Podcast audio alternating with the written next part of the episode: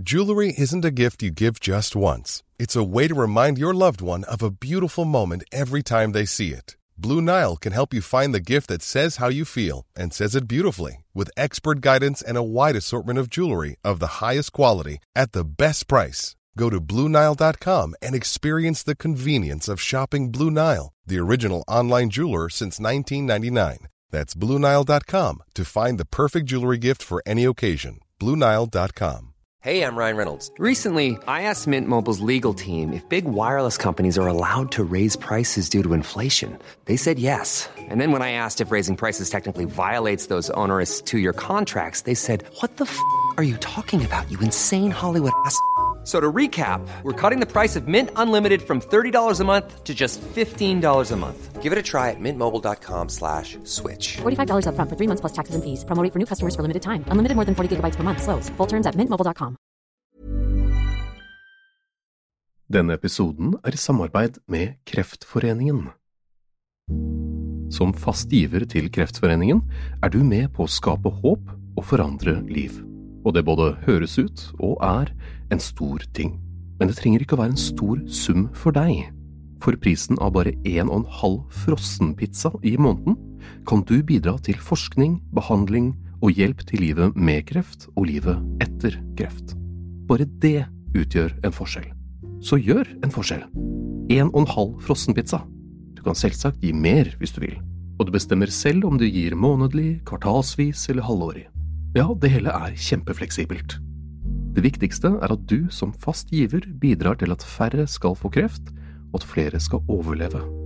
Gå inn på kreftforeningen.no giver, eller klikk på lenken i episodebeskrivelsen. Som sagt, en og en halv frossenpizza.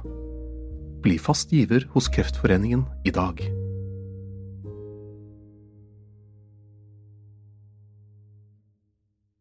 Gjenklang.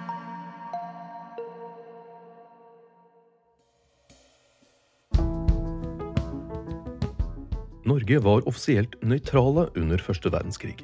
Men det hindret selvsagt ikke utenlandske operatører i å finne på muffins her. I dag skal vi snakke om første verdenskrig i Norge. Og med oss har vi som vanlig Eirik Brazier. Velkommen. Takk. Hvis Norge var nøytralt, hvorfor ble det drevet med spinasje her? Ja, det kan jo virke litt sånn eh, kontraproduktivt, eller litt sånn motsigende. Eh, Men eh, Norge hadde jo en av verdens største handelsflåter, som når krigen kom, eh, fikk veldig mye å gjøre. Eh, Både med å seile med forsyninger for de allierte, og til en viss grad også for Tyskland.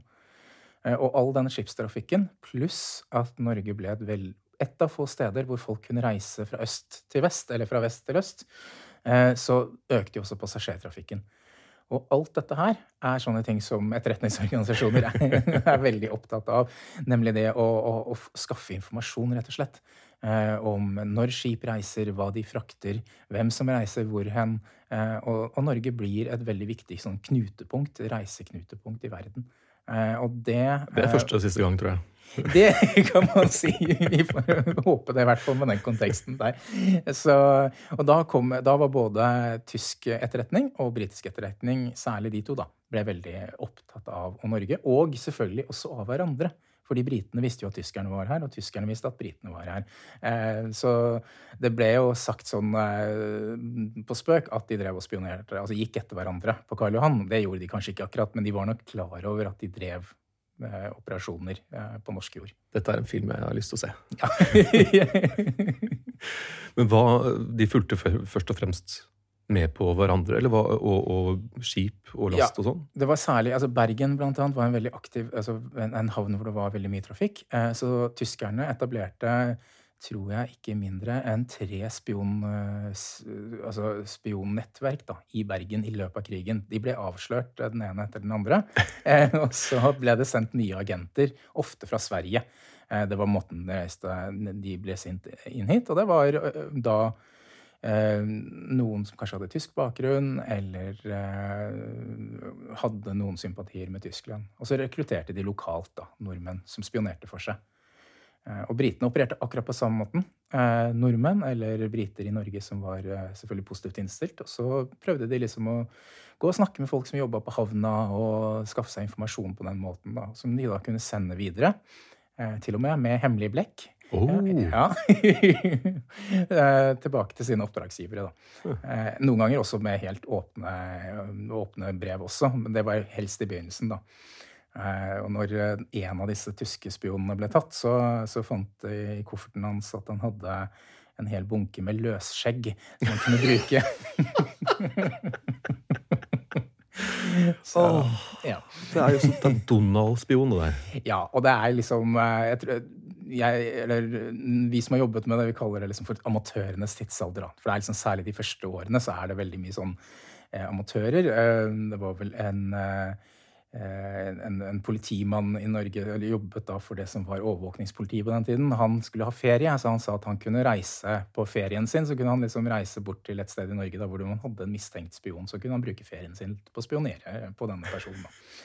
Så det er men, det- men det, blir jo, det blir jo etter hvert også litt mer skal vi si, alvor i dette her. Eh, eh, vi liker jo i Norge å tro at vi er liksom senter for alt som skjer i verden, også i historien. Eh, men in, så selv om tysk og britisk etterretning var veldig opptatt av måte, Norge, eh, så var man i Tyskland også veldig opptatt av å destabilisere, som man vil kalle det i dag, da.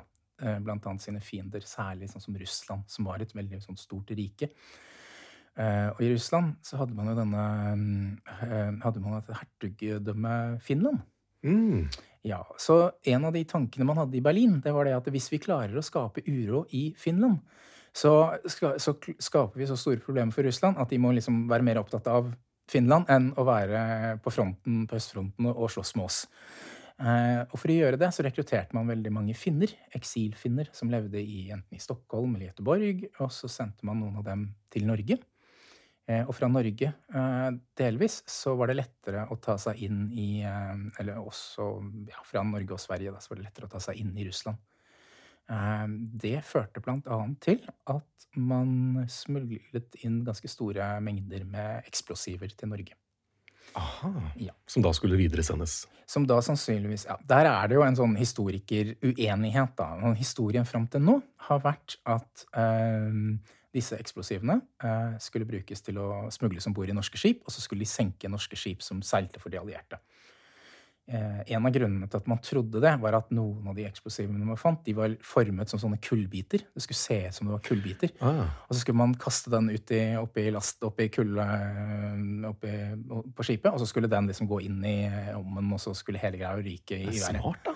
Veldig smart. Eh, og, og, veldig mange, og, og litt sånn andre typer sånne eksplosiver som man kunne feste til siden på båten, eksempel, og, og veldig masse sånt. Em, nå er det sannsynligvis ikke sånn, fordi han som ledet hele den operasjonen, eh, han het, eller het, han het von Gerich. Walter von Gerich. Han var finn, finne, da. Egentlig sånn fin, finsk-tysk adelsfamilie. Ah.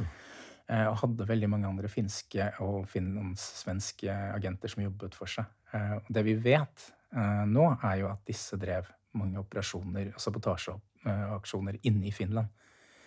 Men, de ble, men utstyret deres ble laget, lagret i Kristiania. Altså her i Oslo. Mm. Faktisk ikke så veldig langt unna der hvor vi sitter nå. Faktisk vi ikke har en kullovn i nærheten. Ja. um, så i en eh, bygård på Grünerløkka så hadde finske eh, agenter smuglet inn mange kofferter med eksplosiver. Uh, og, men hvordan hadde de gjort det? Jo, de hadde da brukt von Gerich, eller Walter von Rautenfels, som han het. Baron von Rautenfelt. Oi, oi, oi. Ja, ja. Så dette var liksom eh, han, det, det var, skal si, norske, norske aviser hadde det veldig, veldig gøy med dette navnet. Da. Altså, han var en baron. Bombebaronen, som han ble hetende. da. Eh, For han jobbet som Eller han var delvis ansatt som tysk diplomatkurer. Ah, så da, da har det jo lettere å Ja, Så han kunne bruke Det er kanskje ikke så mange som, eh, alle som vet det, men altså, når du er diplomat, så kan du, ta, så kan du forsegle det, posten og s- forsendelsene dine med diplomatseil. Det betyr at f.eks. ingen av eh, du Ingen andre kan åpne den. Eh, da er det liksom, det er liksom rikets sikkerhet, da. Ikke sant? Så, Mm. så det han gjorde, var at han hadde disse koffertene som var forseglet med det tyske eh, diplomatseilet. Norske myndigheter og norsk toll ikke kunne åpne dem. Og inni der så puttet han altså da eksplosiver. Ehm, så han smuglet inn flere hundrevis av kilo som han lagret på Grünerløkka. Hvordan oppdaget man dette? Det er litt sånn usikkerhet. Eh, norsk oppdagelsespolitiet sa at de hadde fått et tips. Eh, sannsynligvis var dette tipset kommet fra en dobbeltagent. Ja. en, eh, en eksilfinne som tidligere var blitt rekruttert av russiske etterretningsvesenet i, eh, i Sverige. Eh, men så gikk jo da, så kom den russiske revolusjonen, og så måtte han finne seg noen nye arbeidsgivere. Det ble franskmenn og briter. Og gjennom et ikke offisielt samarbeid mellom norsk etterretning og britisk etterretning, så ble altså da Jossør, sjefen for norsk oppdagelsespolitiet, eller norsk oppdag overvåkningspolitiet, han ble tipset om at bombebaronen hadde dette lageret i, i Kristiania. Det de hadde gjort, var at han ble arrestert på Grand Hospits. Eller altså ikke Grand Hotel, men ja, han ble arrestert på et hotell her i byen. Og ble tatt med til Møllergata. Eh, og så eh, dro politiet da ut til eh, Grünerløkka og, og raidet eh, denne bygården, hvor, disse, hvor, hvor noen av hans samarbeidspartnere hadde dette lageret. Og så, han, så gikk de gjennom det de hadde tatt på hotellrommet hans, og der fant de sånne koffertkuponger for, for kofferter han hadde på Østbanen. Oh. Og så gikk de ned dit og fikk de overlevert. Eh, men det var jo da to kofferter med sånne diplomatforseglinger på. Eh, og da var det jo liksom ok. Så, så sendte de da beskjed til tyske konsulatet. Vi har tenkt å åpne disse koffertene. Eh, hvis dere ønsker, så kan dere innfinne dere på, på Møllergata mens vi gjør det. Eh, og tyskerne protesterte og sa at dette her er eh, keiserlige diplomatposten. Dere har ingen rett ifølge internasjonale regler til å gjøre dette her. og Tyskland kan reagere. altså sånn, Vi kan ikke bare protestere, men hvis dette her, så er dette et alvorlig brudd. Og da ble det litt sånn konferering mellom uh, norske utenriksministeren og justisministeren. Uh, og så bestemte man seg for at tyskerne hadde å innfinne seg klokka fire. Hvis ikke de gjorde det, så kom de allikevel til å åpne koffertene. Og så gjorde de det. Da fant de bomber. Hvis ikke de hadde funnet bomber, så hadde de hatt et problem. Jeg likte for øvrig oppdagelsespolitiet. Politiet liksom. Ja. ja det, er, det, er, de gamle navnene. Ja. Kanskje, kanskje, et tips til ja, jeg synes vi skal gå tilbake, tilbake til det. Oppdagelsespolitiet. Var det annet som, annet som, eh, skjedde her i Norge? Det var ganske mye. Eh, og det er jo veldig mye som, som kretser rundt disse finnene og det, de operasjonene de driver med. Da. Vi vet jo at de hadde en annen baron, von Raasen. han hadde med seg miltbrannbakterier eh, i, eh, i, noen sukkerbiter. Eh, oppå, eh, som, som, da skulle gis til hester som, eh, som, som gikk i sånne forsyningskonvoier til Russland med militært materiell. Eh, nettopp for å ta livet av dem. Så Miltbrannbaronen? Miltbrannbaronen, ja. Det var det som sto i avisene? Ja. ja. Han var oppe på vidda. Og hvis jeg husker helt riktig, så er de miltbrannbakteriene, eller de sukkerbitene, de eh, er oppbevart Jeg lurer på om de er på NTNU. Og de er mm. fortsatt like aktive og like så farlige som de var eh, i 1916-1917. Oi. Ja. Men hvordan ble, ble, han også oppdaget? Han ble også, han ble også oppdaget. Eh, og igjen så er det jo eh, litt sånn det, det er jo veldig mye skal vi si, eh, mange historier rundt dette her. Eh, og eh, Jossør og oppdagelsespolitiet ville på en måte ikke innrømme, og det kan man jo for så vidt skjønne, at man faktisk hadde fått en del opplysninger fra britene. Mm. Norge var jo tross alt nøytralt, offisielt. offisielt.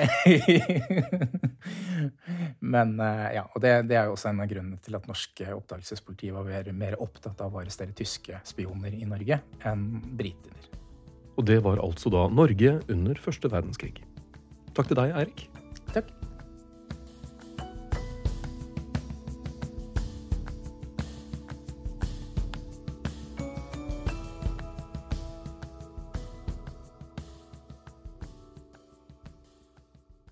Gjenklang.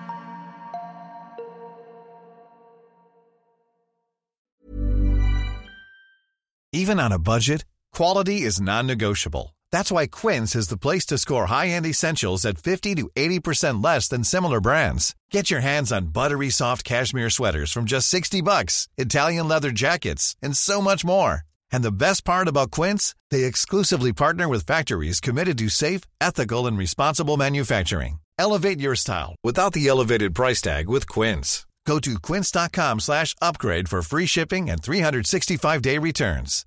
Hi, I'm Daniel, founder of Pretty Litter. Cats and cat owners deserve better than any old-fashioned litter. That's why I teamed up with scientists and veterinarians to create Pretty Litter. Its innovative crystal formula has superior odor control and weighs up to 80% less than clay litter. Pretty Litter even monitors health by changing colors to help detect early signs of potential illness. It's the world's smartest kitty litter. Go to prettylitter.com and use code ACAST for 20% off your first order and a free cat toy. Terms and conditions apply. See site for details.